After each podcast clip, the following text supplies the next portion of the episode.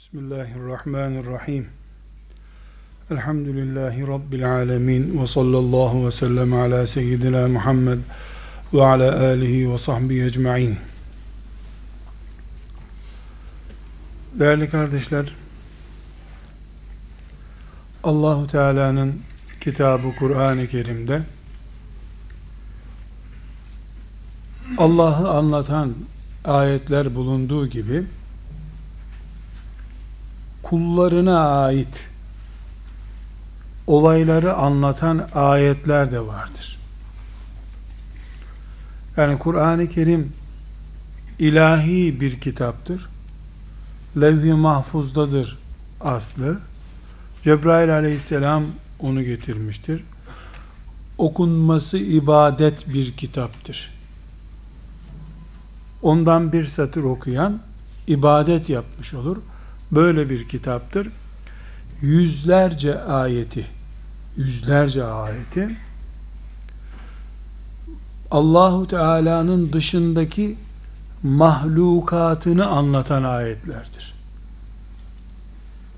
Bu olaylar Kur'an-ı Kerim'in bizzat kendisi tarafından kıssa olarak adlandırılır. Kur'an-ı Kerim'in kıssaları denir. Kıssa Türkçe'de hikaye demektir. Ancak biz hikaye kelimesinden daha cılız bir mana anlarız Türkçe'de. Filanca çocuğa hikaye anlattık deriz. Yani aslı doğru olup olmadığına bakılmadan teselli etmek için, eğitmek için bazen insanların uydurduğu şeyler demek. İşte bir keçi varmış. O keçi kaçarken kayadan düşmüş de şöyle olmuş. Bu kadar basit bir şeye biz hikaye diyoruz. Genelde de büyük oranda da hikayenin aslı astarı yoktur. Kur'an-ı Kerim'de Allahu Teala'nın anlattığı kıssaların Türkçesine kıssa hikaye. Böyle bir özelliği yok. Sadece kelime benziyor. Kelimeler benzeşiyor o kadar. Nasıl cennette üzüm var diyoruz. Dün dünyada da üzüm var. Şimdi cennetteki üzümle dünyadaki üzümün adı benziyor sadece. Hiç beraber bir bağlantıları e, ya da aynı ağacın meyveleri olması gibi bir şey söz konusu değil.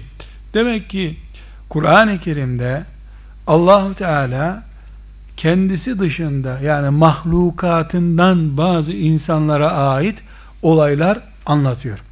Bunlarda en çok e, bizim bileceğimiz olay ilk insan babamız Adem aleyhisselama ait olaylardır. Onu nasıl yarattığını, cennete nasıl koyduğunu, cennette nasıl imtihan ettiğini, nasıl dünyaya gönderdiğini anlatır. Adem aleyhisselamın ilk iki çocuğunun birbirleriyle nasıl kavga ettiklerini, Kabil'in nasıl e, kardeşini öldürdüğünü bir hikaye tarzında anlatır. Bildiğimiz e, hikaye gibi bir üslupla bunlar anlatılır. Hatta bazen e, yine Allahu Teala'nın mahlukatından şeytana ait hikayelerde uzun uzun anlatılır ama bunlar bizim dilimizdeki hikaye anlamında değil. Bunu birkaç defa vurgulamak istiyorum hikaye kelimesi benziyor zaten sadece. Çünkü hikaye aslının doğru olup olmadığına bakılmayan bir anlatımdır. Bunu Allahu Teala bize anlattığına göre bu aslı da olayı da failleri de yüzde yüz doğru olan şeylerdir. Kur'an-ı Kerim'de e, Allahu Teala'nın kötü kullarına şer olarak ad yapmış kullarına ait hikayeler de var. Firavun var, Karun var, Haman var. Bunlar bela tipler.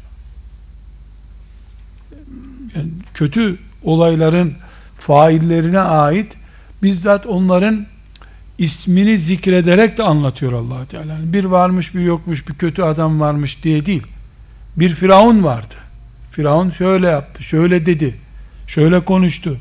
Ona şöyle cevap verdi deniyor. Bazen hakkı temsil eden bir isimle batılı temsil eden bir ismin konuşmaları var. Mesela Firavun Musa Aleyhisselam'ın cümlelerine şöyle cevap verdi. Musa ona böyle dedi, o Musa'ya böyle dedi şeklinde uzun e, karşılıklı konuşmalar tarzında anlatım da var. Yani Kur'an-ı Kerim'de böyle bir sayım yapmadım. Böyle bir araştırma içerisine girmedim ama e, peygamberlere ait veya e, peygamberlerin karşısındaki şer güçlere ait e, Habil'e Kabil'e ait Adem Aleyhisselam'a ait olayların e, anlatıldığı ayet sayısını zanla söylüyorum. 1500'den fazladır diye tahmin ediyorum yani öyle tahminen söylüyorum. 1500 değilse 1400'dür şimdi kafamda tasarlamaya çalışıyorum. Böyle baştan sona kadar ayetlerin hacmine bakıyorum. Çünkü e, 10 sayfalık sureler var mesela. 10 sayfalık ortalama 10 sayfa Kur'an hacminde 100 ayete tekabül eder ortalama olarak. 10 sayfalık sureler var. Ee, bunlardan kaç tane böyle sure var? Hep bir peygamberi anlatıyor.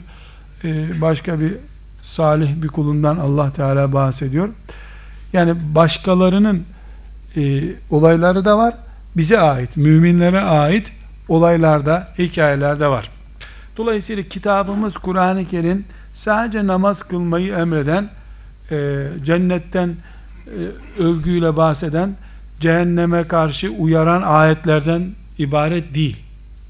Bir de uslup olarak eskilere ait hikayeler var. Ama Kur'an-ı Kerim eğitim kitabı. Cenneti tanıtma kitabı, cehennemden korkutma kitabıdır.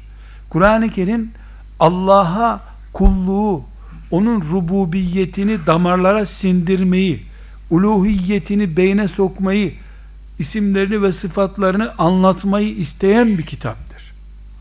Kur'an ibadet kitabıdır. Kulluk kitabıdır. Ama belki yüz tane ayette Firavundan söz ediliyor. Haman'dan, Karun'dan, Nemrut'tan söz ediliyor. Hadi İbrahim Aleyhisselam'ı anladık. Resulullah sallallahu aleyhi ve sellemin dedesi, e, ulul azim beş peygamberden bir tanesi, o haydi hay Kur'an-ı Kerim'de olsun. Ama onun babası Azer, müşrik, putperest birisi, ondan da söz ediliyor Kur'an-ı Kerim'de. Kur'an-ı Kerim eğitim kitabı, hidayet kitabı, hikayenin Kur'an'da işine, haydi hikayenin işini bulduk Kur'an'da, o hikayelerin peygamberlere ait olanları yani e, hidayet davasının Allah'a çağırmanın önderlerinin hikayelerinin olmasının da bir anlaşılırlığı var. Ama öbür tarafta e, hidayetin karşı tarafında duran Firavun gibi bir despotun üstelik de ayrıntılara varıncaya kadar bir de onun Allah'a isyan olan ve tağut olduğunu belgeleyen cümleleri kendi ağzından naklediliyor. Mesela Kur'an-ı Kerim Allahu Teala'nın e, tek ilah olduğunu, başka bir ilah yeryüzünde veya bir alemde olmadığını anlatmak için indirilmiş bir kitap. Uluhiyeti anlatmak için inmiş bir kitap. Maksat zaten uluhiyetini Allah Teala'nın e, tek ilah olduğunu, başka hiçbir alternatifin bulunmadığını anlatmak zaten Kur'an'ın iniş maksadı bu. Ama bakıyorsun Firavun kalkıyor. Ene rabbukumul ala. Ben sizin e, en büyük Rabbiniz değil miyim buralarda? En büyük Rabbiniz benim diyor. Şu Nil nehrinin Mısır'ın ilahı benim diyor. Şimdi böyle adi, seviyesiz. Kur'an'ın tam karşı tarafında kalmış sapık, dalalete ait bir söz ayrıntısıyla anlatılıyor. Hikaye olarak bize anlatılıyor. Yani Kur'an bir hidayet kitabı, eğitim kitabı, insan yetiştirme, mümin yetiştirme kitabıdır. Onlarca, yüzlerce, binlerce ayetinde hikaye var. Bu hikayelerin biraz sonra değineceğim inşallah. E, bir bölümü bu çağdaki insanların lüzumsuz göreceği şeyler. Yani bir peygamber oğlunu kurban etmeye teşebbüs etmiş bir sayfaya yakın Kur'an-ı Kerim'de oğlunu kesişi anlatıyor. Kesmeye çalışması anlatılıyor. Oğluyla konuşmaları hem de farklı bir iki yerde anlatılıyor. Yani bu çağda anlaşılacak bir şey değil bu. Buna rağmen kıyamete kadar Kur'an okurken, namazda zamm-ı sure okurken, ilim öğrenirken, tefsir öğrenirken okumak zorunda bırakıyor seni Allah Teala. Neyi? Bir insan çocuğunu niye keser mantığının hiçbir şekilde anlaşılması mümkün olmayan bir çağda bu hikayeyi anlatıyor Allah Teala. İman kitabında, hidayet kitabında hikayelerin işine cevap. Çünkü eğer Kur'an-ı Kerim'de binden fazla ayetinde Allah Teala eski ümmetlere ait hikayeleri anlatıyorsa ki bunlar yüzde yüz doğru şeyler. Hikaye sadece kelime olarak benzeşiyor dedik. Anlatıyorsa demek ki iyi bir mümin yetişmesi için insanın imanın kökleşmesi için ve insanın yeryüzünde varlık maksadının ortaya çıkması için Fatiha suresi ne kadar gerekliyse Elhamdülillahi Rabbil Alemin'deki kavram ne kadar gerekliyse Adem Aleyhisselam'ın cennetten kovulma sürecinin bilinmesi de en en az o kadar gereklidir ki Fatiha suresinden sonraki sayfayı açınca Adem Aleyhisselam olayını buluyorsun. Demek ki bu hikayeler iyi mümin, kaliteli mümin, gerçek iman için gerekli eğitim malzemeleridir.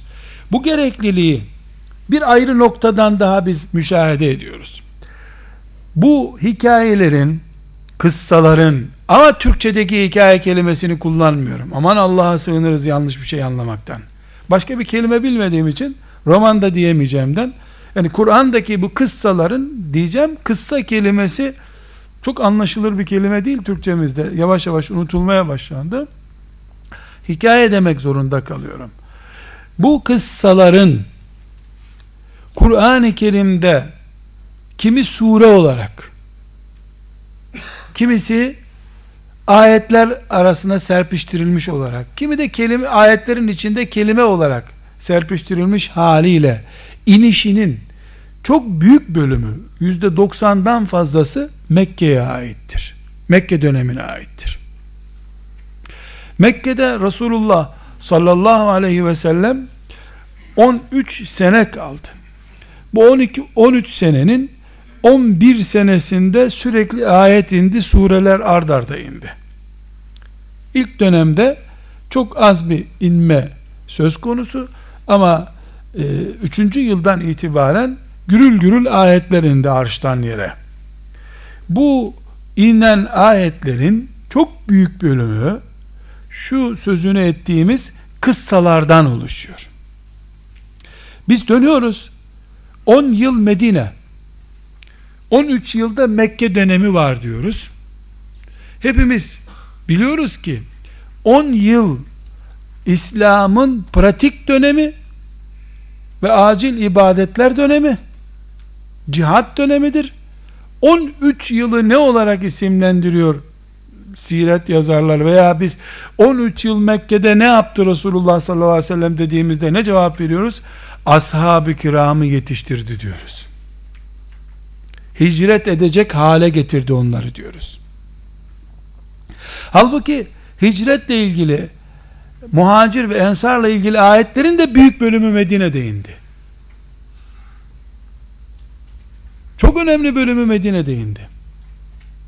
Fakat hicret edecek adamlar Mekke'de yetiştirildi. Dönüp Kur'an'ın 13 yılda hicret eden 500 kişiden az bir sahabidir.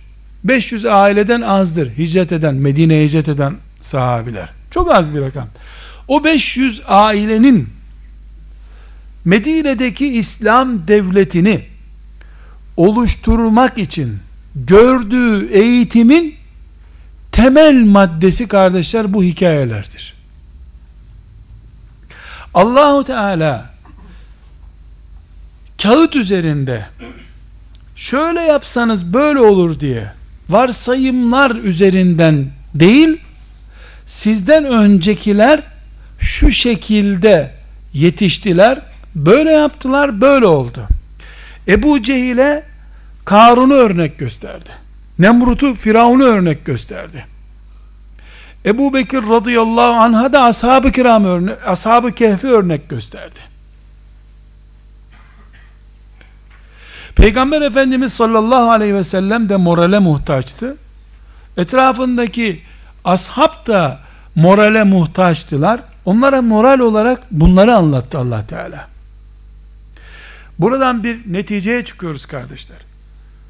Kur'an-ı Kerim'deki eski ümmetlere ait kıssalar, hikayeler herhangi bir ayet kadar en az Fatiha suresi kadar müessirdir. İnsan yetiştirme, mümin hazırlama malzemesidir. Hatta ve hatta cihat ruhunu, infak ruhunu, ibadet heyecanını Fatiha suresinden daha fazla Ashab-ı Kehf olayında görürüz. Fatiha suresini okuduktan sonra duygusallaşıp gözyaşı akıtan Müslüman hemen hemen bu asırda zordur. Ebu Bekir ağlardı. O ayrı bir konu. Hasan Basri'yi de ağlatmıştır Fatiha suresi. Fatiha suresinin tefsirinden, muhtevasından duygulanıp herhangi bir kimse Yahudi düşmanı olmamıştır. Halbuki Yahudiler Bismillah ilk sayfayı açıyorsun sayfanın dibi gelmeden Yahudi'ye lanet çıkıyor. Ama Fatiha'dan bunu anlayan yoktur. Öbür taraftan Musa Aleyhisselam'ı nasıl yapayalnız bıraktıklarını, git Allah'la sen savaş burada biz seni bekleriz dediklerini duyduğumuzda Maide suresinde kin doluyoruz Yahudi'ye karşı. Esratallezine en'amte aleyhim diyor Allah Teala nimetlerinden bahsediyor. Herhangi bir nimetine algılayabiliriz bunu. Ama bizim için meyveler, bahçeler nasıl yarattığını anlattığı ayetleri bizim için daha duygusal oluyor. Biz hikayelerin çocuklarımızın üzerinde müessir olduğunu düşünerek onlara hikaye anlatıyoruz. Aslında bize de müessirdir o. Biz de hikayeden daha çabuk etkileniriz.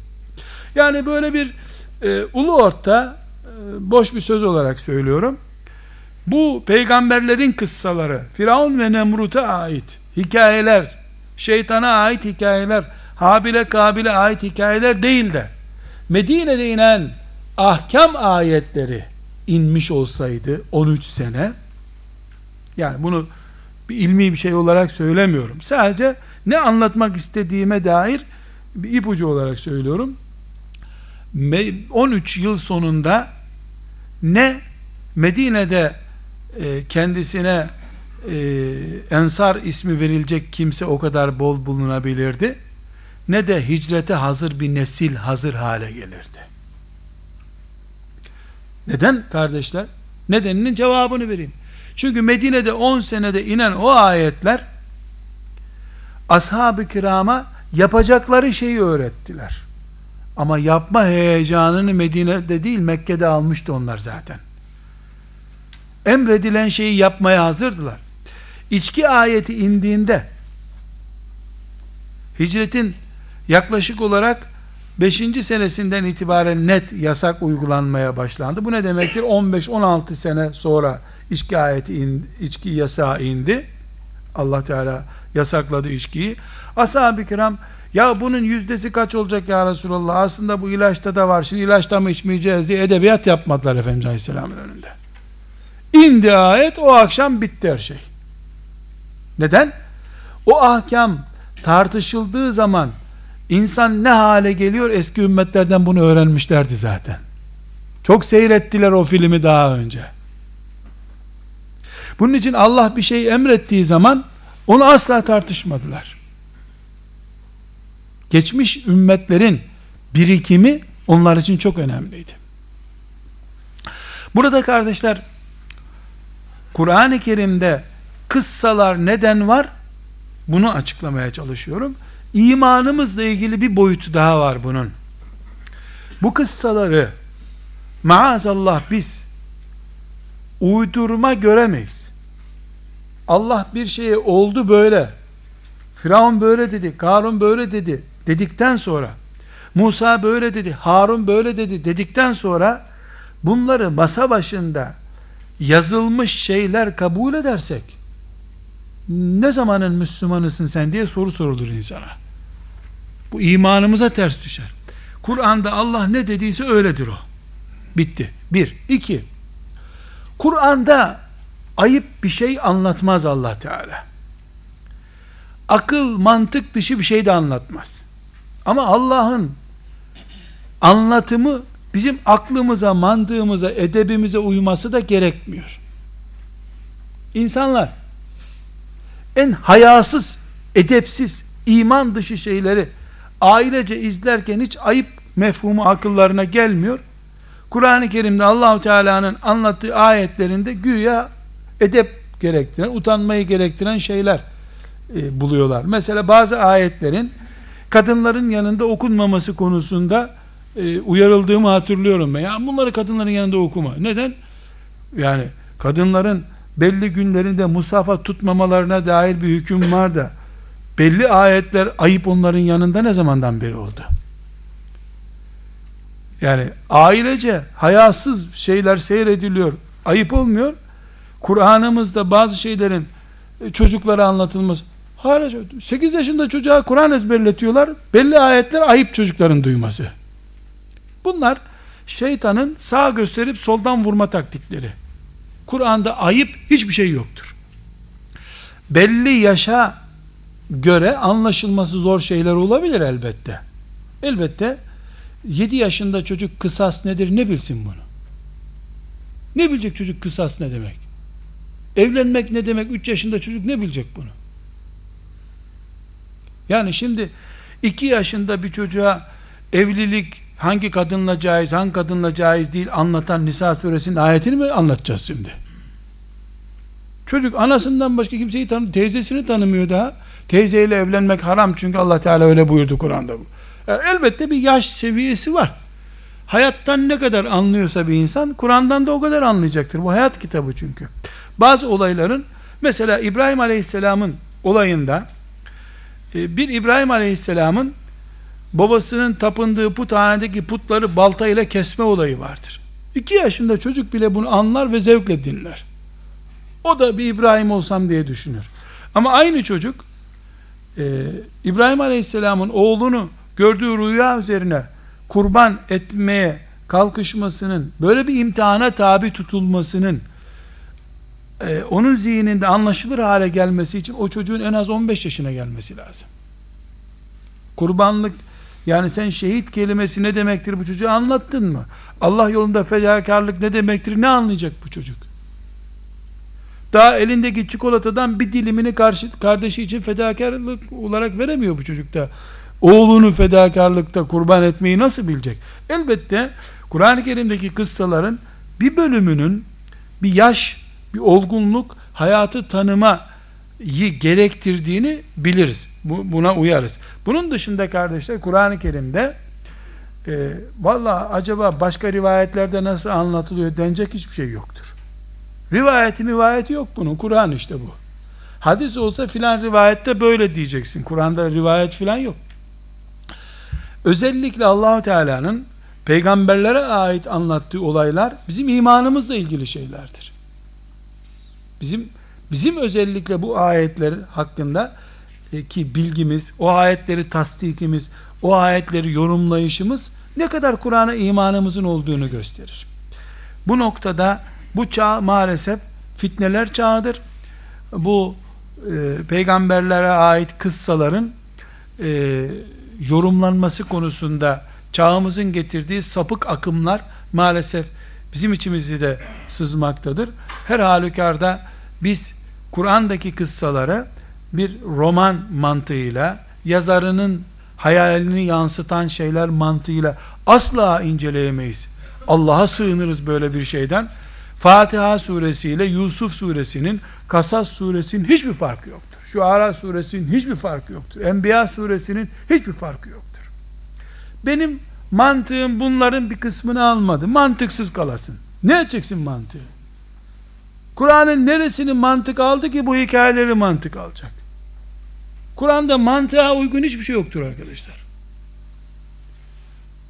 Mantıkla değil ki bu kitap. Bu imanla ilgili. Mantık Eğer sende çok çalışıyorsa demokrasi adıyla yıllardır nasıl sömürüldüğünü anla. Çok işine yarar senin.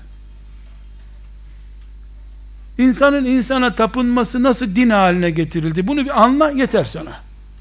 Ne anladık? Birbirimize attığımız kazıkları anlamadık da. Levh-i mahfuzdaki bir kitabı senin mantığına mı Allah uyar? Senin mantığına göre olsaydı onun adı papaz kitabı olurdu. Papazların İncil'i olurdu o. Elbette bu insanın mantığına göre değil. Akla İslam akıl diniymiş. Kim dedi bunu? Hangi insanın aklına göre uydu? İslam akıl dini değildir. Akıllara yön veren dindir. Akıl insan düzeyidir. Allah hangi insana göre? Avrupalılara göre mi Kur'an indirmeliydi? Afrikalılara göre mi? İslam akıl dini değildir. Akıllıların dinidir. Akıla yön veren dindir. Ha elbette allah Teala'nın dininde insana zulüm olan, terslik olan hiçbir şey yoktur. Dolayısıyla etkilenmemiş akıl Kur'an'da bir hata görmez zaten. Ama bir sistemden, şehvetten, çevreden etkilenmiş akıl e, kendisini allah Teala'nın kitabı önünde süzgeç gibi görür, filtre gibi görür. Her şey ona takılır tabi. Kur'an'ın hiçbir ayeti ondan geçmez. Bu nedenle kardeşler, e, Kur'an'daki kıssalara bakışımızı çok önemsiyorum. Bu bizim imanımızla ilgili ve ben çok net bir cümle söyleyerek bu bölümü e, bitirmeye çalışayım. Kardeşler, eğer biz ashab-ı kiramın Yusuf suresini dinlediği gibi Mekke'de ki Yusuf suresi biliyorsunuz Miraç'tan önceki dönemde inmiştir. Yani Hatice validemizin ve Ebu Talib'in öldüğü yıla ait bir suredir. Hüzün yılına ait bir suredir. Hüzün yılı demek Efendimizin sallallahu aleyhi ve sellem boynunun büküldüğü, garip kaldığı sene demek. Ashab-ı kiram da çok mahzun oldular. Ne yapacaklarını şaşırdılar. Teselli olarak ne ilgisi var Mekke dönemiyle Yusuf suresi indi. Biraz sonra göreceğiz ne ilgisi var Yusuf suresinin. Teselli istediler Allah'tan. Allah Teala da Yusuf suresini indirdi. Halbuki Yusuf suresinde o siyasi olaylara, müşriklere ait pek bir şey yok görünüyor. Ama Kur'an'ın her ayeti mümin için tesellidir ayrı bir konu. Biz ashab-ı kiramın Yusuf suresini dinlediğinde anladıklarını anlasaydık, Züleyha'nın aşkını değil de peygamberin bile nasıl imtihana tabi tutularak makam seviye sahibi olduğunu anlamış olsaydık İbrahim Aleyhisselam'ın kıssasını hocalarımız bize kurban bayramı hikayesi olarak değil de Allah için fedakarlığın en güzel örneklerinden biri olarak anlat, anlatsalardı eğer eğer biz Firavun'u, Karun'u, Haman'ı böyle işte yeryüzünde siyasi iktidarın sahipleri olarak değil de şeytanın görünen şekilleri olarak anlamış olsaydık. Yani şu Mekke'de ashab-ı kiramın dinlediği tarzda bu kıssaları dinlemiş olsaydık hicrete hazır Müslüman olurduk 10 senede. Fedakarlıkta hiçbir şeyi Allah'tan kaçınmayan, kaçırmayan Müslümanlar olurduk. Kur'an bizi mum haline getirmiş olurdu. Biz daha henüz Yusuf Aleyhisselam'ın kıssası gibi çocukların bile anlayabileceği bir kıssayı eğer anlayamıyorsak onu bile bir e, peygambere bir kadının aşkı gibi seviyesiz bir düzeyde anlıyorsak eğer abinin hasedi çocuğu kuyuya attı gibi bir seviyede anlıyorsak eğer o halde anlıyorsak eğer biz ashab-ı kehf olayını işte kaçmak zorunda kalan 5-6 tane gencin olayı gibi anlıyorsak sen Maide suresindeki ahkam ayetleri nasıl anlayacaksın? Sana Allah'ın indirdiğiyle hükmetmeyenler şöyledir böyledir dense sen ondan ne çıkaracaksın ki? Sen hikayesini anlamamışsın Kur'an'ın ki e, ahkamını nasıl anlayacaksın o zaman? Dolayısıyla kardeşler bugün şu mefhumu düzeltmemiz lazım. Kur'an'da hikaye yok. Ders var. Müthiş dersler var. Bu dersler bazen Fatiha suresindedir. Bazen Allahu Teala'nın azametini anlatan, gökleri anlatan ayetlerdir. Bazen yeryüzünü anlatan, bazen insanın yaratılışını anlatan ayetlerdir. Bazen cennet anlatılır, bazen cehennem anlatılır. Bazen de basit, seviyesiz bir insanın ağzından çıkan bize göre boş laflar anlatılır. O boş lafları melekler kaydetmiş. Levh-i mahfuza geçmiş. Binlerce, on binlerce sene önce sonra Habil'le Kabil konuşmuşlar. Biri yapma abi demiş. Öbürü seni öldüreceğim demiş. Öldürdükten sonra da e, gömmek için ne yapacağını şaşırmış. E, ondan sonra gelmiş bir karga yeri kazmış. E, öbür kargayı oraya gömmüş. Ona bakmış ha bunun cesedini gömeyim gizleyeyim düşünmüş. Bir hikaye anlatıyor allah Teala. Biz buradan eğer ders çıkarabilmiş olsaydık kendi kendimizin teröristi olmazdık o zaman. Ders çıkarırdık bundan. Her halükarda kardeşler Kur'an-ı Kerim'in kıssaları Fatiha suresi kadar, Maide suresi kadar, namazı anlatan ayetler kadar değerlidir. Zira Kur'an-ı Kerim'in birinci alt ayetiyle beş bininci ayeti arasında değer farkı yoktur. Velev ki o beş bininci ayeti Firavun'u anlatmış olsun. Şeytanı anlatmış olsun. Konuşan şeytan değil ki Allah. Allah. Allah düşmanını konuşturuyor. Öyle istiyor, öyle murad ediyor, öyle yapıyor. Bu nedenle kardeşler şu noktada toparlamak istiyorum. Son senelerde bir sıkıntıyla karşılaştık. Evlerimize bilgisayarlar girdi. Bu bilgisayarları maalesef sokmuyoruz evimize diyemedik. Niye? Çünkü bilgisayarda bizim işimize gelecek şeyler de var. Yani çocuklarımız için yararlı şeyler de var. İşte e, Kur'an öğretmek ve benzeri şeyler bilgisayarla biraz daha e, teşvik olur. En azından bilgisayar alırız çocuğumuza da o da biraz Kur'an okur. Yaramazlık da yapmaz diye şifa oldu en azından. Mazeretimiz çok yani bilgisayar almak için ve selam. Şimdi bir sıkıntıyla karşılaştık. Çocuk programı diye Kur'an-ı Kerim'in kıssalarını çocuklarımıza aldık. Bunda bir sakınca yok. Böyle olması da lazım. Bu melanet alet öbür türlü bu evde değil kömürlükte dursun o zaman. Nasıl olsa kömür yok şimdi doğal gazı var. Bilgisayarlar oraya atabiliriz. Eğer dinime hizmet etmeyecekse. Ancak sıkıntımız şu. Bilgisayarımızı çocuğumuz kullanırken ona program aldığımızda İbrahim Aleyhisselam'ı aldık çocuğa. Talut'la Calut'un kıssasını aldık. Kur'an-ı Kerim'in Ebu Bekir yetiştiren sureleri çocuk eğitim malzemelerine döndü gözümüzde. Hiç bunu anlayamadık nasıl böyle olduğunu. Yani biz Kur'an-ı Kerim'in bazı ayetlerini bu kıssalara ait ayetleri çocuklar bölümünün malzemesi olarak görüyoruz. Kendimize İbrahim Aleyhisselam hikayesinden bir kıssa görmüyoruz. Talut'la Calut ne vurdu Davut Aleyhisselam bir dağıttı oraları filan. Çocuk haklı. Davut Aleyhisselam deyince kahraman biri hatırlıyor. Biz filmleşmiş değil, ilim kalmış haliyle bu olaylara sahip olmalıyız. Doğru. Çocuğumuz da onun düzeyine indirgenmiş haliyle bu e, bilgisayar programlarından istifade etsin. Buna bir itirazımız yok. Zaten yararlı da görüyoruz. Ama bizimle ilgili bölümün dışına attık bunları. Fark etmeden.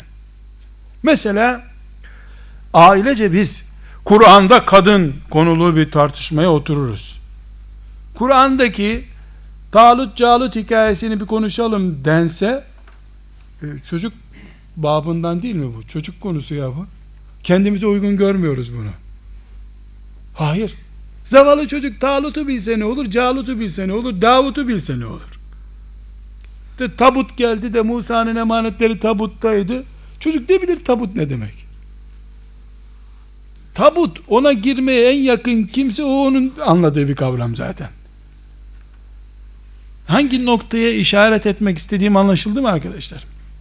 Nasıl Kur'an ölü kitabı haline getirilirken şeytan bizi bir tuzağa düşürdüyse, ölünce Kur'an akla geliyorsa, benzer bir sistemde Kur'an'ın binlerce ayeti, yani bu kıssaların anlatıldığı ayetleri, çocuk filmi senaryoları olarak kaldı şimdi. Tekrar düzelterek diyorum ki hayır. İhtinas sıratal müstakimde ne kadar ciddiyet varsa, beş vakit namaz kılanı ne kadar ilgilendiriyorsa Ar-Rahmanir-Rahim, Yusuf'un anlatıldığı kıssalar, Şuayb'ın anlatıldığı kıssalar, Musa'nın anlatıldığı kıssalar aynı düzeydedir. Hiçbir farkı yoktur. Dün Fatiha suresinin tefsirinden ders yaptık. imanımızı tazeledik. Allah'ın izniyle bugün de Enbiya suresinden Zekeriya aleyhisselamı okuruz. Ondan imanımızı tazeleriz. Ve bu olaylar allah Teala'nın uykusu gelmeyenlerin uykusu gelsin diye anlattığı masallar değildir. İmanı canlanmayanların imanı canlansın diye anlattığı olaylardır. Bu sene çocuğu olmayan birisi Zekeriya Aleyhisselam'ın nasıl ağlayıp sızladığını beni çocuksuz bırakma ya Rabbi dediğini okumalı Kur'an'dan ve kendisine pay çıkarmalıdır. Çocuğundan kahır çeken o çocukla ilgili kıssayı Allah'ın nasıl anlattığını görmelidir. Her halükarda kardeşler Kur'an-ı Kerim'deki kıssalar bizim içindir. En az Fatiha suresi kadar. En az ama. En az İhlas suresi kadar. Çünkü bu kıssaların tamamında Allah tevhid eylemini, müminlerin Allah'a imanını anlatmak için anlattığı şeyler var. Bakma sen o arada Habil'den Kabil'den söz ediliyor. Bakma sen o arada İsa Aleyhisselam'ın annesinden söz ediliyor. Kimden söz edilirse edilsin. Kur'an iman kitabıdır. Kur'an'ın içindeki her şey imanımızla bir açıdan muhakkak bağlantılıdır. Umuyorum bu bölüm arkadaşlar anlaşılmıştır. İnşallah istifade yollarımızı Allah kolaylaştırır. Kardeşler, Kur'an-ı Kerim'in en enteresan anlattığı olaylardan birisi Yusuf Aleyhisselam olayıdır. Ve Yusuf Aleyhisselam kıssasının bir farkı var. Kur'an-ı Kerim Musa Aleyhisselam'ı 20-30 yerde anlatıyor. Adem Aleyhisselam'ı en az 10 yerde anlatıyor. İbrahim Aleyhisselam'ı 15-20 yerde anlatıyor. Yusuf Aleyhisselam'ı tek yerde uzun bir surede anlatılıyor. Kur'an-ı Kerim'in en uzun anlattığı peygamber ve ara vermeden, araya başka şeyler sokuşturmadan anlattığı peygamber Yusuf Aleyhisselam'dır. Ve dediğim gibi Yusuf Aleyhisselam olayı ümmeti Muhammed'in e, Peygamber Efendimiz de yaşadığı yılların en mahzun olduğu zamana ait bir kıssadır. Yani Yusuf Aleyhisselam kıssası tesellinin arandığı zamanlara ait bir kıssadır. Arkadaşlar Yusuf Aleyhisselam'ın Kur'an-ı Kerim'de anlatılış tarzı dediğim gibi baştan sona bir sureye ait olduğu için o sure e, tercümesinden, mealinden okunduğunda şöyle hafif bir e, yani aralara sokuşturulmuş küçük tefsir parçacıklarıyla anlaşılacak kadar açık ve seçiktir. Ama anlaşılan bölümü e, çocuk hikayesi şeklinde ise eğer o zaman tefsirine de muhtacız demek. Ya da tefsir demeyelim. O bölüm yani aslında tefsire de ihtiyacı yok. Çünkü Kur'an-ı Kerim e, aralara sokuşturduğu mesajlarla anlayacak olana bir şey anlatıyor. Şimdi Yusuf Aleyhisselam kıssasını anlatmaya başladığında Allah Teala işte şöyle oldu böyle oldu derken araya bir kelime koyuyor. Yani kardeşleri Yusuf'a işkence yaptılar. Öldürmek istediler. Vallahu galibun ala emri. Halbuki işin galibi Allah olacaktı sonunda diyor. Ha bundan sonra Allah'ın neler yapmaya muktedir olduğunu anla ey Kur'an dinleyen adam diye başlıyor ayetler aslında. Ama dikkat altını çizerek yazıyoruz bu ayeti filan demediği için dikkat edilmiyor. Oradan sen oradan koparıyorsun zinciri zaten. Ondan sonra bir şey anlamadan Züleyha'ya takılıp gidiyorsun sen. Sen de bir Züleyha aşıkısın. Sen de bir Züleyha derdin var. Vay be koca peygamberi de seveni sevmeyeni varmış demek ki filan diye öyle takılıp gidiyorsun sen. Her halükarda yani aslında didik didik edilerek gidilse üçüncü ayetten itibaren seni ayetler alacak götürecek gideceğin yere zaten. Ama en başta Ya hafızın sesine takılıyorsun ya işte oradaki bir kelimeye takılıyorsun kalıyor maalesef. Kardeş Yusuf aleyhisselam Yakup aleyhisselamın ki o da bir peygamber oğludur. Yakup aleyhisselam da İshak aleyhisselamın oğludur. İshak aleyhisselam da İbrahim aleyhisselamın oğludur. Dolayısıyla biz burada İbrahim aleyhisselamın oğlunun oğlunun oğlunu konuşuyoruz. Biraz böyle köylücü oldu herhalde. Yani oğlunun oğlunun oğlu işte ne bileyim. Bugün e, edebiyat hocamız öyle deme hocam diye kullanılan bir kavram değil. İkinci kuşaktan torunu de dedi. E kuşak deyince millet ne anlayacak o belli mi zaten? Dedim ki ne anlamadı beni tabi. O illa ikinci kuşaktan dedi. İyi dedim ikinci. ikinci kuşak torunu İbrahim Aleyhisselam'ın. Birinci kuşak torunundan Kur'an zaten Yakub'u torun olarak ona hediye ettik diyor İbrahim Aleyhisselam'a. Niye İbrahim Aleyhisselam'ın oğlunun oğlunun oğlu diye bir kelime kullandım arkadaşlar. Şimdi bir olay anlatacak Kur'an-ı Kerim güzel. Bu bir çobanın çocuğuna ait bir hikaye değil. Baba peygamber, onun babası peygamber, onun babası en büyük beş peygamberden biri. Böyle bir ailede bir olay oluyor. Yakup Aleyhisselam e, arkadaşlar 12 çocuk babası. 12 erkek çocuk babası Yakup Aleyhisselam. Bu 12 erkek çocuğun e, 11.si Yusuf Aleyhisselam'dır. 12.si de e, Kur'an-ı Kerim'de adı geçmez ama diğer tarih kitaplarından öğrendiğimiz Bünyamin isimli bir çocuktur. 11 ve 12. çocuğu bir anneden 10 çocuğu da başka bir anneden Yusuf Aleyhisselam ailesine ait bir hikaye bu. Yusuf Aleyhisselam'ı Allahu Teala bütün insanlıktaki güzelliğin yarısı kadar güzel yaratmış arkadaşlar. Yani bütün insanlığın yüz güzelliği, yakışıklılığı, parlaklılığı yüzse bunun ellisi Yusuf Aleyhisselam. Bu kadar parlak, sempatik, tatlı bir çocuk. Bir de Yusuf Aleyhisselam'ın annesi yok. Annesi olmadığı için de babası Yakup Aleyhisselam onunla fazla ilgileniyor. Diğer on kardeş peygamber çocuğu oldukları halde babaları peygamber, dedeleri peygamberler, büyük dedeleri de peygamber olduğu halde Yakup Aleyhisselam'ın Yusuf Aleyhisselam'la fazla ilgilenmesinden rahatsız oldular. Yakup Aleyhisselam da onların rahatsız olmasıyla ilgilenmedi. Yani çocuğuyla ilgilenmekte kendisini haklı buldu. Yani öksüz çocuk öksüz olduğu için onunla çok ilgilendi. Çok ilgilenince o ilgilendikçe onlar iç yaptılar. O ilgilendikçe onlar içine çektiler derken 10 e, büyük kardeş Yusuf Aleyhisselam'a iyice kin güttüler. Sonunda şeytan onları yönlendirdi. E, oturup bu sıkıntıyı nasıl gidereceklerini düşündüler. E, dediler ki öldürelim bunu. Ölünce babamız mecbur bizi sevecek. Bunu sevemez dediler. Bir tanesi merhamete geldi. Ya öldürmeyin dedi. Nihayetinde o da bizim kardeşimiz. Götürelim uzak şöyle bir yere atalım ne olursa olsun orada dedi. Yani onu alır birisi götürür kurtuluruz oradan. Bu Yakup Aleyhisselam'a geldiler.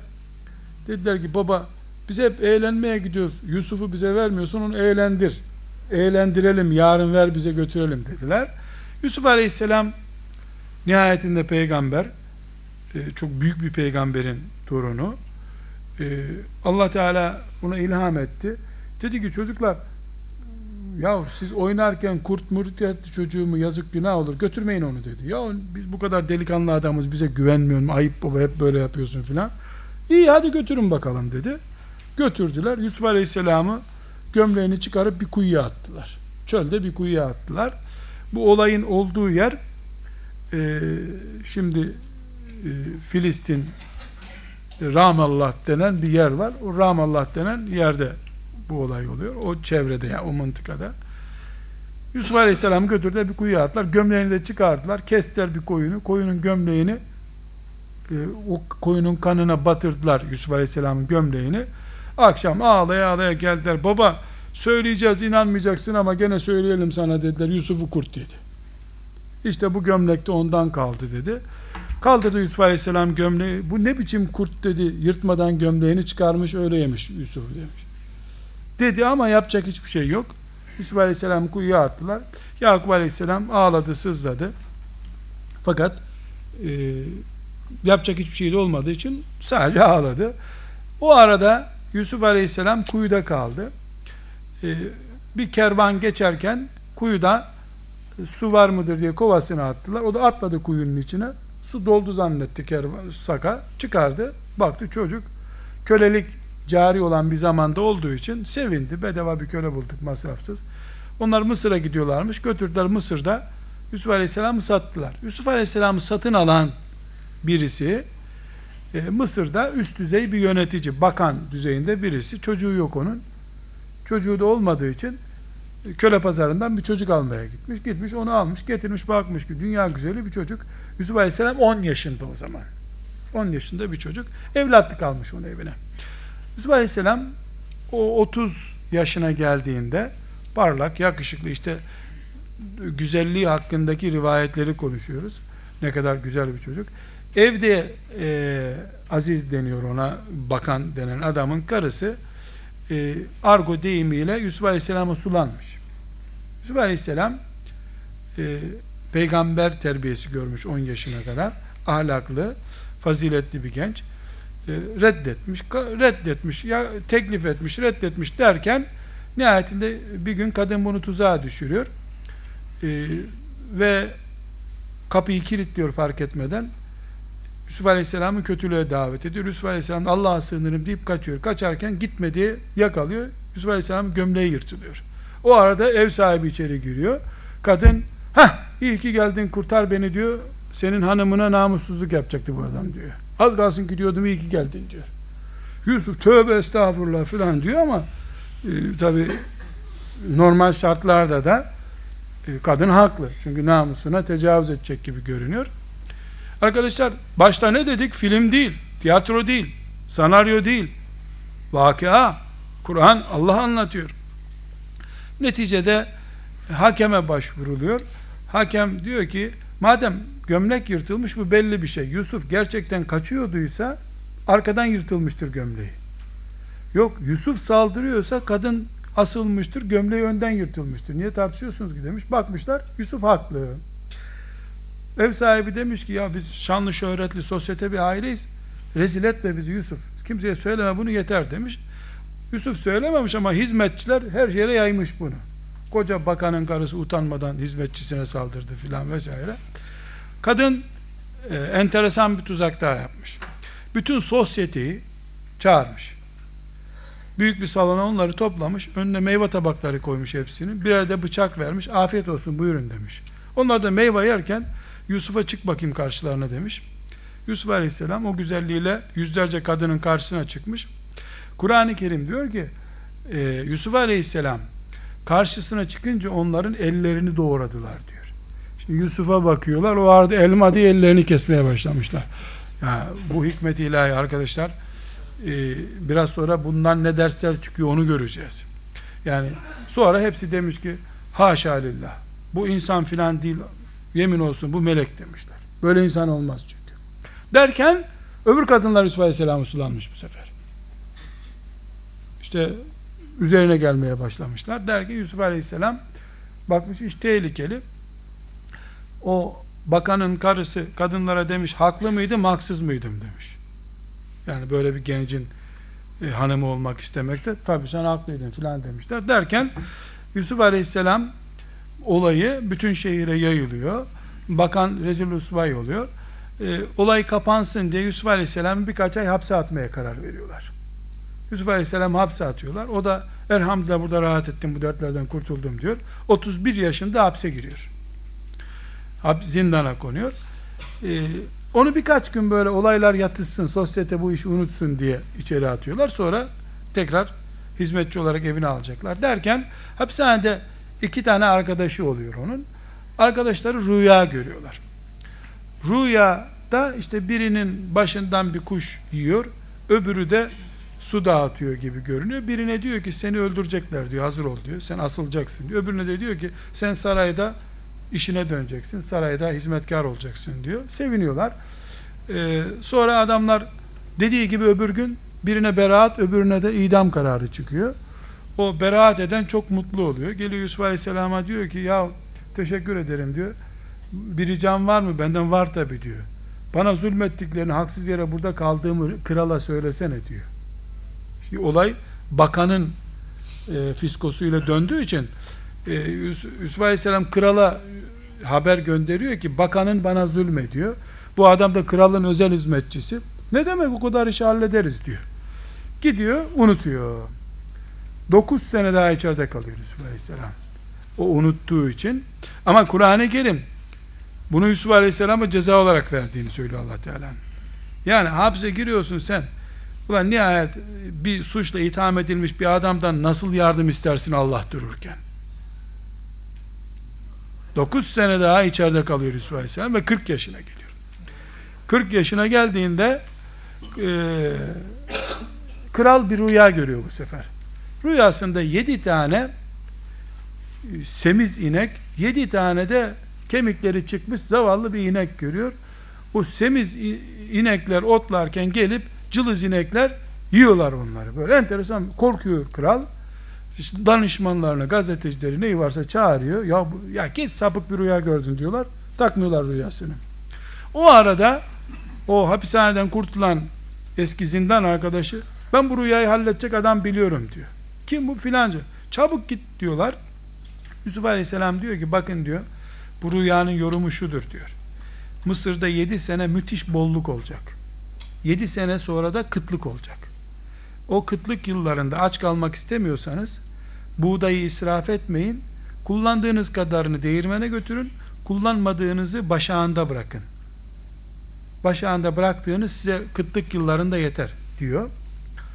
Çok kral hoşlanıyor. Çabuk bana getirin bu adamı diyor. Gidiyor gelmem diyor. Kadınların haksız benim haklı olduğumu kral ispat etsin diyor. Çağırıyor kadınları kral. Siz yıllar önce böyle birini zindana attırdınız diyor. Suçlu muydu o delikanlı? Değildi diyorlar. Kraliyet nezdinde suçsuz olduğu ortaya çıkıyor. Geliyor Yusuf Aleyhisselam. Ee, kral diyor ki çok memnun oldum diyor yorumundan diyor. Ee, sana ne ödül vereyim diyor. O da ödül ödül istemem diyor. Maliyeden sorumlu adam yapacaksın beni diyor. O projeyi ben yürütürüm size diyor. Kıtlık yılı gelecek ya yani ekonomik sıkıntı olacak. Tabi e, çok önemli şeyler arkadaşlar. Müslüman ister. istedi mi Maliye Bakanı olmak ister. Maliye Bakanlığında kapıcılık hedefi olmaz Müslümanın. Yani Yusuf Aleyhisselam'dan biz ders çıkarıyoruz kendi. İnni hafizun alim. Ben hem güvenli bir adamım hem de bu işlerden anlarım. Sen beni Maliye Bakanı yap burada diyor. Kral diyor ki bakıyor büyük hedefleri olan biriyle memnuniyetle diyor zindandan çıkıyor Mısır sarayında Maliye Bakanı oluyor. Sonra o yedi yıl geliyor. Yusuf Maliye Bakanı, maliyeden sorumlu ikinci adam, kraldan sonra ikinci adam. Ee, bu bolluk yılları geliyor. Gerçekten büyük bir bolluk oluyor. Dediği gibi herkes Yusuf Aleyhisselam'ın başağında bırakıyorlar buğdayı. Ondan sonra 7 yıl kıtlık yılı başlıyor. 7 kıtlık yılı başlayınca Mısır'da yeteri kadar yiyecek var. Mısır'ın dışındaki Orta Doğu kavruluyor. Böyle bir 7 yıl geliyor.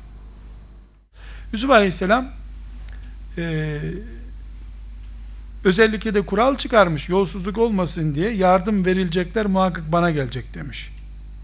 10 kardeşi ellerinde çuvallarla Yusuf Aleyhisselam'ın karşısına dikiliyorlar. İşte Allah rızası için bize yardım edin filan vesaire. Ne istiyorsunuz diyor. İşte şöyle kaç paranız var diyor. Şu kadar. Parayla alacaklar. Parayla da yok çünkü kıtlık yılı.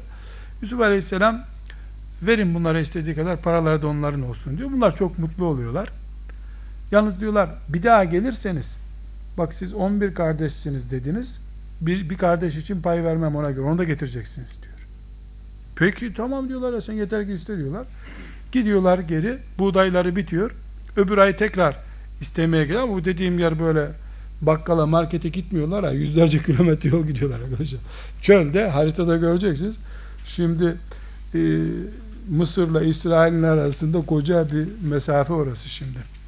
Neticede Yakup Aleyhisselam'a geliyorlar ki baba çok merhametli bir adam rastladık ya diyorlar. Şu Bünyamin'i de bizimle göndersen bir çuval daha fazla alacaktık. Onu göndermem diyor. Abisini gönderdim diyor. Helak ettiniz çocuğu. Bunu da şimdi helak edin. Deli misin baba ne demek filan. Kandırıp onu da alıp geliyorlar. Yusuf Aleyhisselam bakıyor 11 kardeş geldi. Küçük kardeşi yani aynı anneden olan öz kardeşine diyor ki bak diyor burada bir işler çevireceğim ben diyor. Seninle biz kardeşiz diyor. Sen çaktırma olmamış gibi sen beni izle diyor. Peki diyor. Kucaklaşıyorlar. Ee, diğer 10 kardeşine diyor ki ne istiyorsun şu kadar alın gidin diyor. Dolduruyor. O arada kralın hamamından bir tası Bünyamin'in yani en küçük kardeşinin çuvalına koyuyor. Tam bunlar giderken gene parasız veriyor bunlara. İşte sevdim sizi diye. Bak diyor kralın tası çalındı diyor yandınız diyor. Kim yakalandıysa onda diyor kaldı burada diyor mahpus diyor. Bak canım diyorlar. Açıyorlar Bünyamin'in çuvalında tas çıkıyor. Altın tas. Bu kardeşleri hemen abi diyorlar bu abisi de hırsız adamdı bunun bu bizden değil. Üvey kardeş bu. Abisi de hırsız da alın bunu sizin olsun diyor. Derken çünkü hainlik 30 sene sonra da devam eder. Hain bir defa. Hain kafa hain kafa. Ne diyor ki çaresi yok. Büyük abileri ya diyor kardeşler biz babamıza nasıl gideceğiz? Bir kere Yusuf'u kaybettik. Şimdi aynen kasten yaptığımızı söyleyecek babamız. Etmeyin, eylemeyin. Gelin işte Yusuf'a yalvarıyorlar. Üç tane bizden al bunu bırak diyorlar. Çünkü babamızla çok kötü aramız var. Şöyle olacak böyle olacak. Kanun kanundur diyor. Çekin gidin bakalım. Bunlar tıpış tıpış geri dönüyorlar. Geliyorlar Yakup Aleyhisselam anla. Böyle böyle baba hırsızlık yaptı diyorlar. Yakup Aleyhisselam peygamber tabi. Oğlum diyor. Tekrar geri çabuk dönün. Mısır'a gidin. Bu iş sizin zannettiğiniz gibi değil. Mısır'a gidin diyor. Herkes şehire farklı yerlerden gitsin. Bünyamin oğlumu bulun gelin. Bünyamin'i bulun gelin diyorlar. Bunlar tekrar geri geliyorlar. Ya bir daha bir gidelim belki Yusuf merhamete gelir filan diyorlar. Yusuf diye bilmiyorlar onu tabi. Maliye Bakanı. Hazine sorumlusu. Gidiyorlar ya Allah'ını seversen etme eyleme diyecekler. Oturun bakayım diyor. Siz zamanında diyor küçük Yusuf'a ne yaptığınızı hatırlıyor musunuz? Derken bunlar bakıyorlar sen o musun diyorlar. Tabi hatırlıyor iş işten geçiyor.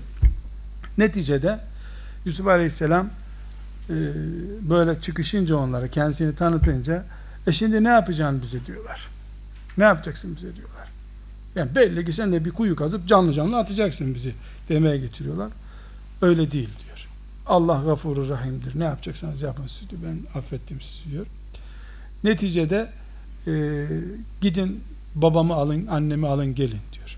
Gidiyorlar e, ve üzerindeki gömleği çıkarıp veriyor. E, Yakup Aleyhisselam o gömlek Filistin topraklarına girince Kur'an'dan yine öğreniyoruz. Yusuf'un kokusu geldi buralara diyor. İnni le ecidu riha Yusuf. Levla en tufennitun. Siz deli meli diyeceksiniz ama Yusuf'un kokusu geldi diyor. Yıllardır sen böyle kör oldun zaten diyorlar. Ağlamaktan gözleri kör olmuş. Yusuf Aleyhisselam'ın. Yakup Aleyhisselam. Neyse Yusuf Aleyhisselam'ın gömleğini getiriyorlar. Yakup Aleyhisselam'ın yüzüne sürülünce gözleri açılıyor. Baba böyle böyle oldu diyorlar. Topluca geliyorlar. Yusuf Aleyhisselam çocukken bir rüya görmüştü. Rüyasında gökyüzünde 11 yıldız, ay ve güneş önünde secde ediyorlar. Böyle bir rüya görmüş. Babasına bunu anlatmış. Oğlum demiş bu rüyada çok hayır alametler var. Abilerini anlatma bunu sana kötülük yaparlar. Sen niye böyle güzel rüya gördün diye. Demek ki kardeş kardeşin rüyasını bile kıskanırmış. Bırak gömleğini sen. Topunu zaten kıskanır ama rüyasını bile kıskanır demek ki. Sonra 11 kardeş baba ve anne geliyorlar e, saraya giriyorlar e, Yusuf Aleyhisselam'ın önünde hepsi secdeye kapanıyor Yusuf Aleyhisselam da diyor ki baba işte rüya buydu diyor tam 40 sene sonra 40 yaşına geldiğinde Yusuf Aleyhisselam şimdi hikaye bu kadar hikaye bitti ee, sadece Bünyamin ismi Kur'an-ı Kerim'de yok. Onu dediğim gibi tarih kitabından alıyoruz. Gerisi Kur'an-ı Kerim'e ait. Burada kardeşler bizim için bunun ders boyutu nerede? Bir, insan yetiştirmek peygamberin evinde de aynı, senin evinde, benim evimde de aynı. Abi kardeşle kavga eder. Eş çaresi yok. Baba mısın? İlla evlat imtihanı göreceksin. Yusuf Aleyhisselam çocuktu. Çocuklarından bir çocuktu. Ya Yakup Aleyhisselam sabretmedi demiyor Kur'an. Üstelik çok güzel sabrettiğini söylüyor. Ama için için o kadar ağlamış gözleri kör olmuş ağlamaktan. Ağlamayacağın diye bir şey yok. Ağlarsın. Ama Rabbinden başkasına şikayette bulunmaz. Derdini Allah'a anlatırsın. Demek ki aile budur. Bir. iki. Çok önemli bir boyutu var buranın. Yusuf Aleyhisselam'ı Allah nübüvvet makamına getirecekti. Dileseydi zaten dededen beri peygamber sülalesi. Torpil hazır. İbrahim Aleyhisselam da zaten dua etmiş. Rabbim sülaleme peygamber olarak devam ettir demiş. Allah Teala da zalimler hariç senin sülalen peygamber olacak demiş. En son peygamber de Resulullah sallallahu aleyhi ve sellem onun torunlarından birisi oldu. Bir sıkıntı yok. Ama arkadaşlar peygamber olacağı ezelde belli. Dedesine söz verilmiş peygamber olacak. Buna rağmen basamakları çıkması gerekti Yusuf Aleyhisselam'ın. O basamakların birincisi çukurda kuyuya inmek basamağıydı. Bir zengin ailenin hizmetkarı oldu senelerce. 20 sene. 10 sene yakın zaman hapse girdi. Biz bunu hapishane, kuyu muyu olarak görüyoruz. Öyle değil. Merdiven de onlar hep. Bastı, bastı, bastı. Çünkü ayetler dönüyor diyor ki Yusuf'u kurtardık muhlis kullarımızdan da o bizim diyor. Yusuf ne sayesinde bu süreci kazanmış? İhlası sayesinde. Züleyha karşısına dikilmiş. Züleyha da fena bir kadın değil. Ama kocasının çocuğu olmuyor. Çocuksuz bir kadın, çocuk hasreti var. Kocasından tatmin olmuyor. O da yani birisi bir defa e, sosyetenin ilk üç kadınından bir tanesi. Öbürü dünya güzeli. Karşı karşıya gelmişler. Kur'an bakınız arkadaşlar. Demiyor ki Kur'an Züleyha ona öyle saldırınca Züleyha ismi de Kur'an'da geçmiyor. Yahudi kültüründen o isim bize gelme. Yani İslami bir isim değil. Daha doğrusu Kur'ani bir kaynağı yok. Züleyha saldırıyor. Yusuf da estağfurullah uzaklaş terbiyesiz demedmiş ona. Eğer yardımımız olmasaydı az kalsın Yusuf da kayıyordu o tarafa diyor. Levla er'a burhane rabbi. Rabbinden acil yardım geldi de kurtuldu. Niye yardım ettin ona ya Rabbi? Çünkü o zamanında ihlaslı biriydi diyor. O güne kadar ihlas halindeydi. Muhlis bir mümindi. İhlasını korudu. O gün dünyada ihlaslı olmanın ödülünü gördü. Kurtardı onu Allah zinadan. Ulan hep bu belalar beni buluyor da hep de benim sen belaya uygun yaşıyorsun ondan. Senin önüne benim önüme Züleyha çıksa gitti dünya. Niye gitti? Allah seni kurtarma ihtiyacı ya da meleklerini göndermeye, lütfetmeye ihtiyacı görmüyor ki. Sen zamanında böyle bir adam değildin zaten ondan. O zamanında ihlaslı bir insandı. Peygamber değildi üstelik. Saf mümindi. Yakup aleyhisselamdan gördüğü terbiyeyi hiç bozmadı. Allah da en zor gününde ayağının cehennemin dibine kadar geldiği günde kurtardı onu. Levla erra'a burhane Rabbi. Rabbinden bir işaret gördü, kurtuldu. Cümlesini müfessirler farklı şekillerde tefsir ediyorlar. Bunlardan en enteresan arkadaşlar babası Yakup Aleyhisselam'ı kapının ucunda görmüş. Ve parmağını ısırıyormuş oğlum oğlum diye. Bu pozisyon yani babasını böyle görmesinden korkmuş. Anlamış ki Allah Teala onu ikaz ediyor. Ve yani bu bir işaret. Hiçbir işaret olmasa bile kalbini Allah Teala yapma bunu Yusuf diye ilham etse o da yeterdi onun için. Ama her halükarda o gün onu Allah niye kurtardı? Dünkü günden dolayı.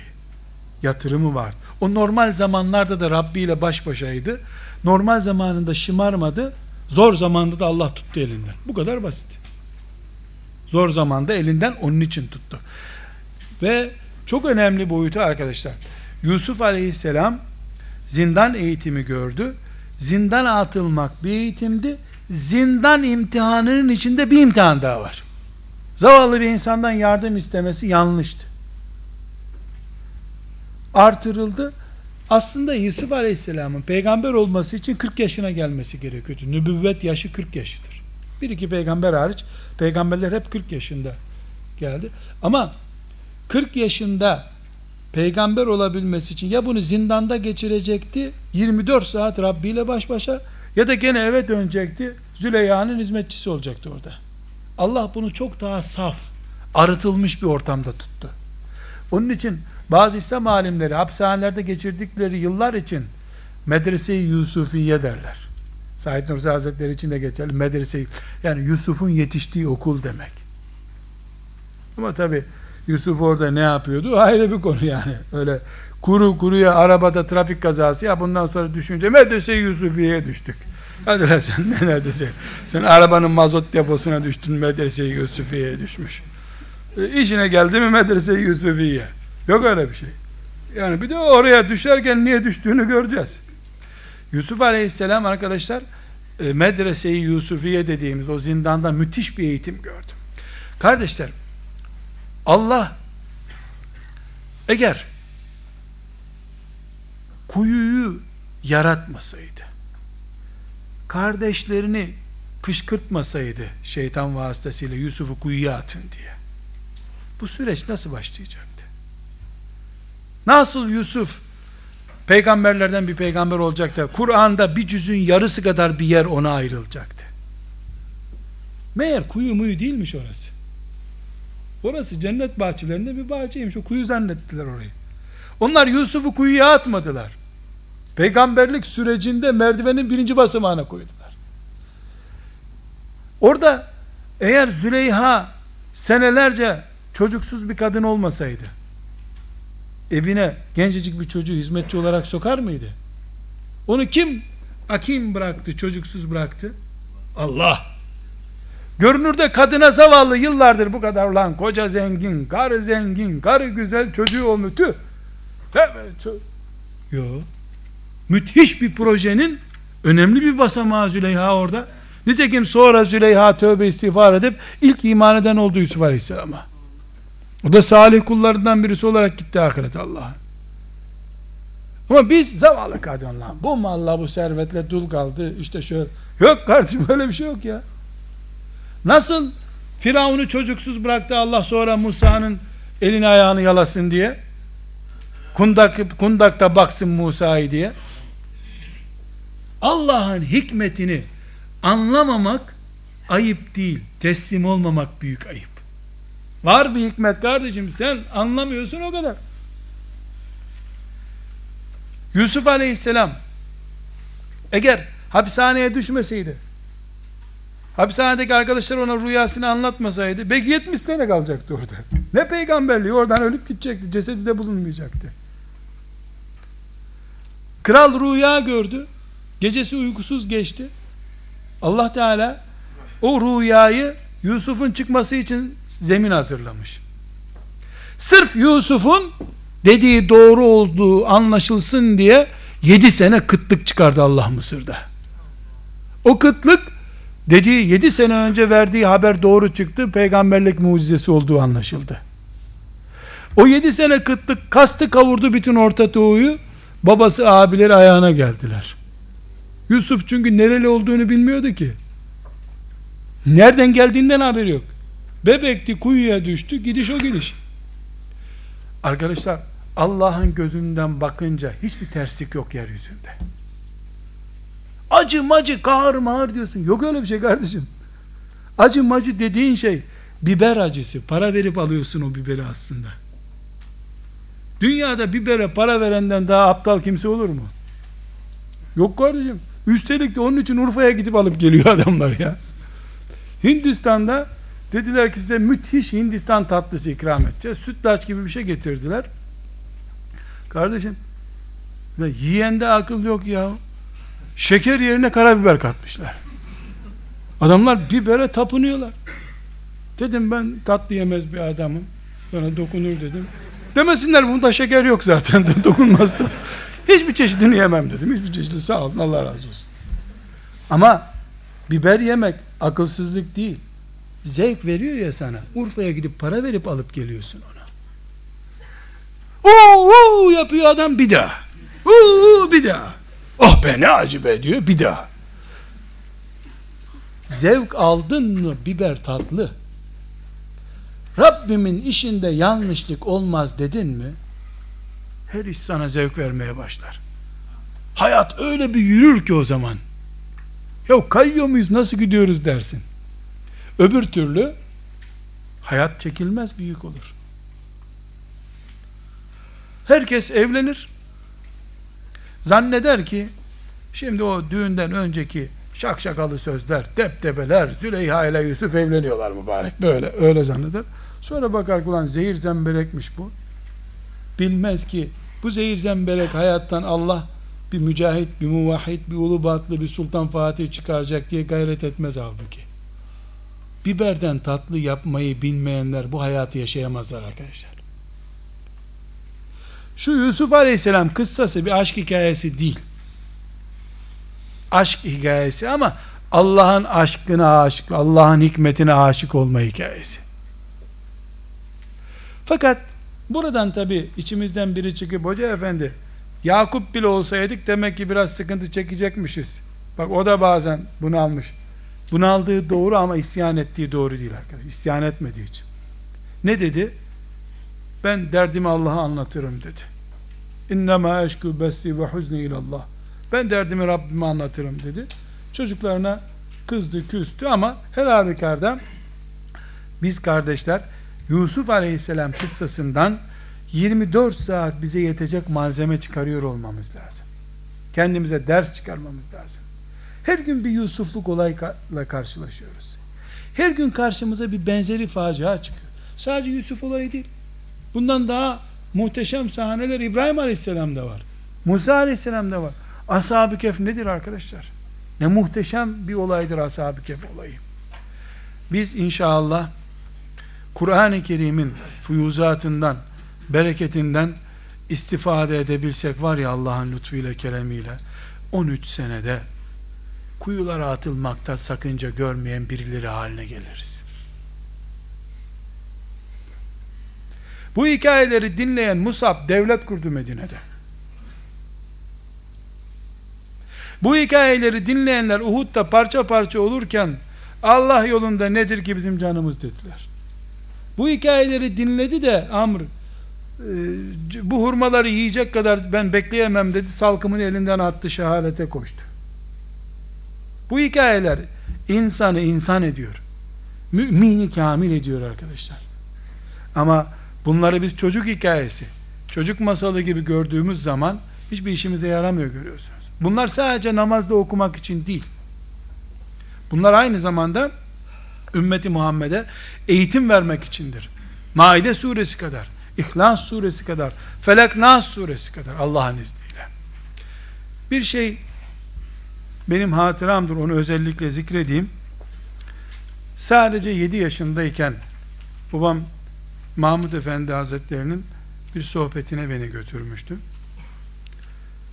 Bu edeb, e, broşürü yazmak için mecbur tefsirlere tekrar dönmek zorunda kaldım ama bu ayrıntıların tamamı 7 yaşında İsmail Ağa Camii'nde ondan dinlediğim bir vaaza ait hatıralardır. 41 yıl önce.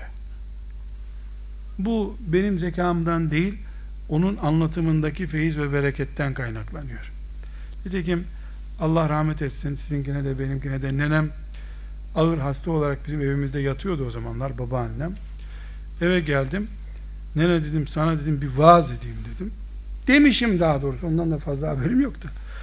Et bakayım oğlum demiş. O da sancıları var. Ağır hasta tedavi görüyordu. Allah rahmet eylesin. Bu Yusuf Aleyhisselam olayını bu kadar mı anlattım onu da bilmiyorum. Baştan sona anlatmışım. Meğer babam da beni arkadan dinliyormuş sessizce. Dayak yemediğim tek hafızlık günüm o gündür. Yani o o gün hiç dövmedi beni çok güzel bunu anladın diye. Sonra ezberini okurken okuyamadım diye gene intikamını aldı tabii. Bu sefer dedi ki ayrıntısını bildiğin şeyi niye okuyamıyorsun dedi. Derken anlaşamadık tabii mesela. Ama bugün bunu hazırlarken işte 2-3 gündür hazırlamaya çalışıyorum. Bir türlü gözümün önünden gitmiyor. Oturduğu kürsüyü de şu anda hatırlıyorum. Konuşmalarını, esprilerini, Züleyha esprisini ondan aldım mesela. Bunu niye anlattım arkadaşlar? Ben onu hayırla anıyorum. ah bir duam kabul olsa da sıhhat ve afiyeti için dua etsem diyorum içimden. Gene ediyorum. Tabi de yani bir hikayenin anlatılması 41 sene sonra e, benim anlatmama vesile oldu. Ama o özellikle bu cümlelerim ona ait dedim ya rahmetullahi aleyh sellemehullah hangisine müstehaksa yani o bu hikaye değil Allah bize ders veriyor ya sakın bunu böyle anlamayın dediği cümleleri biraz daha bu 30 sene sonranın Türkçesiyle ben sizlere anlattım. O yüzden böyle bir Kur'an ayetiyle, böyle bir hikayeyle bir mümin ayağa kaldırabiliriz arkadaşlar biz. Ama sen İbrahim oğlunu kesiyordu, vurdu kesmedi bıçak. Bir daha kesti kesmedi, kesti kesmedi, sinirlendi, taşa vurdu, taş ikiye bölündü. Böyle ne oldu sonra? İşte iyi ki koç geldi yoksa hepimizi kesecekti babalarımız. İyi de la seni baban madem kesecekti, onu babası kesmişti, sen nereden olacaktın? Mantıksız bir hikaye. Her kurban bayramında mübarek böyle bir enteresan. O anlatış var. Bir de bir Allah dostunun insan yetiştirmek için anlattığı ders malzemesi olarak Yusuf Aleyhisselam'ı anlatmak var. Ben minnettarlığımı hissediyorum. Sizleri de şahit tutuyorum. 41 yıl öncesinin e, dinlediğim bir vaazından etkilenişimi anlattım. Yani bu yazılı bölüme dökerken başka kaynaklardan da istifade ettim ama anlatırken onun cümlelerini tekrar ettim. Allah ondan razı olsun. Amel etmeyi de benzer e, hizmetleri yapmayı da bizlere de müyesser kılsın. Ve sallallahu ve sellem ala seyyidina Muhammed ve ala alihi ve sahbihi ecmain velhamdülillahi rabbil alemin.